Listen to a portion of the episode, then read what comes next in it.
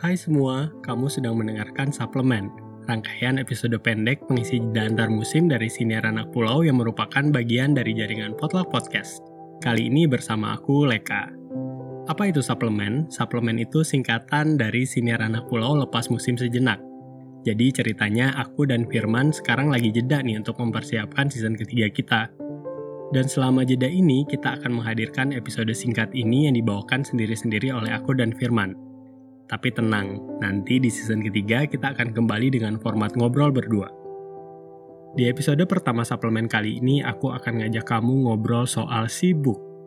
Aku akan mulai dengan pertanyaan ini ya. Menurut kamu, kamu orangnya sibuk gak sih? Atau apa yang kamu rasakan ketika kamu sibuk? Jawabanku dulu iya, aku tuh sibuk banget. Aku merasa hidupku dulu itu ada di dunia di mana menjadi sibuk itu adalah prestasi gitu produktivitas multitasking itu bernilai tinggi banget. Waktu aku pertama kali merantau, aku kuliah sambil kerja di distro. Waktu aku pindah dan kerja kantoran di Jakarta, aku itu malamnya sempat ngambil kerjaan painting mural sampai pagi, terus besoknya kerja lagi di kantoran. Sekarang sih kayaknya amdan ya hustling kayak gitu. Capek sih. Sekarang aku bisa dengan senang hati menyampaikan bahwa aku nggak ada di dunia itu lagi. Menurutku, sibuk itu bukan hal yang baik dan dalam kasusku secara finansial aku nggak harus kerjain itu semua ya. Kesibukanku tadi merupakan ketidakpandaianku menentukan prioritas dan terlalu peduli dengan ekspektasi orang lain. Maksudnya gimana? Kita obrolin lebih lanjut ya. Joshua Fieldmill Burns dan Rian Nicodemus dalam podcast mereka The Minimalist, yang by the way merupakan podcast yang aku dengarkan secara reguler, menyebutkan sibuk itu adalah chaos atau kekacauan yang ditimbulkan karena kita terlalu banyak pekerjaan. Dan ketika kita sibuk, kita jadi tidak fokus dengan apa yang kita kerjakan. Menurut Joshua dan Ryan, ini aku panggil mereka dengan nama depan aja ya biar kedengarannya akrab gitu ya. kita sibuk dan terlalu banyak pekerjaan dikarenakan kita takut.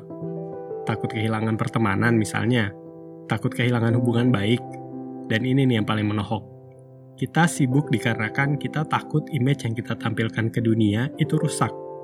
Misalnya kita mau dikenal sebagai teman yang baik, teman yang selalu ada gitu. Jadi kita selalu mengiyakan semua ajakan untuk kumpul.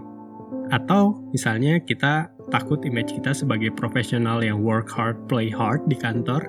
Uh, jadi kita mengiyakan semua ajakan main dan kerjaan yang mungkin sebenarnya bisa kita tolak. It's exhausting. Sebagai orang yang pernah ngalamin itu semua ya, jadi kita benar-benar harus atentif nih sama tawaran yang mau kita ambil. Hal tadi berhubungan dengan yang disampaikan oleh Derek Sivers dalam bukunya Hell Yeah or No. Sesuai dengan judul bukunya, Sivers mengatakan bahwa untuk tahu prioritas, ketika ada tawaran kita harus tanyakan dulu nih ke diri kita sendiri. Jawaban tawaran ini hell yeah atau no. Kalau jawabannya hell yeah, berarti harus diambil.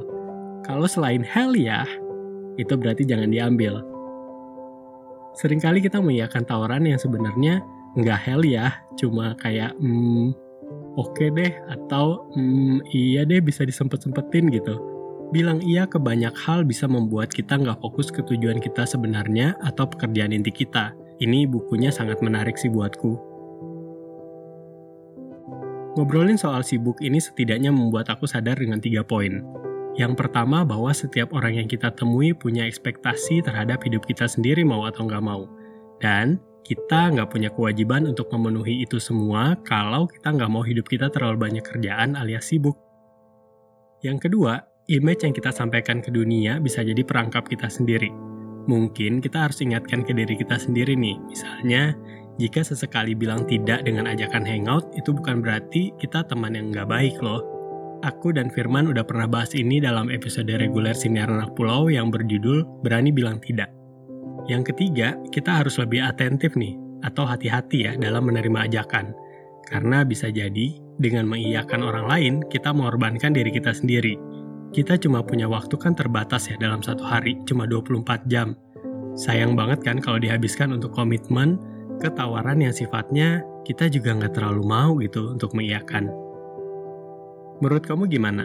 Apakah kamu setuju atau nggak setuju?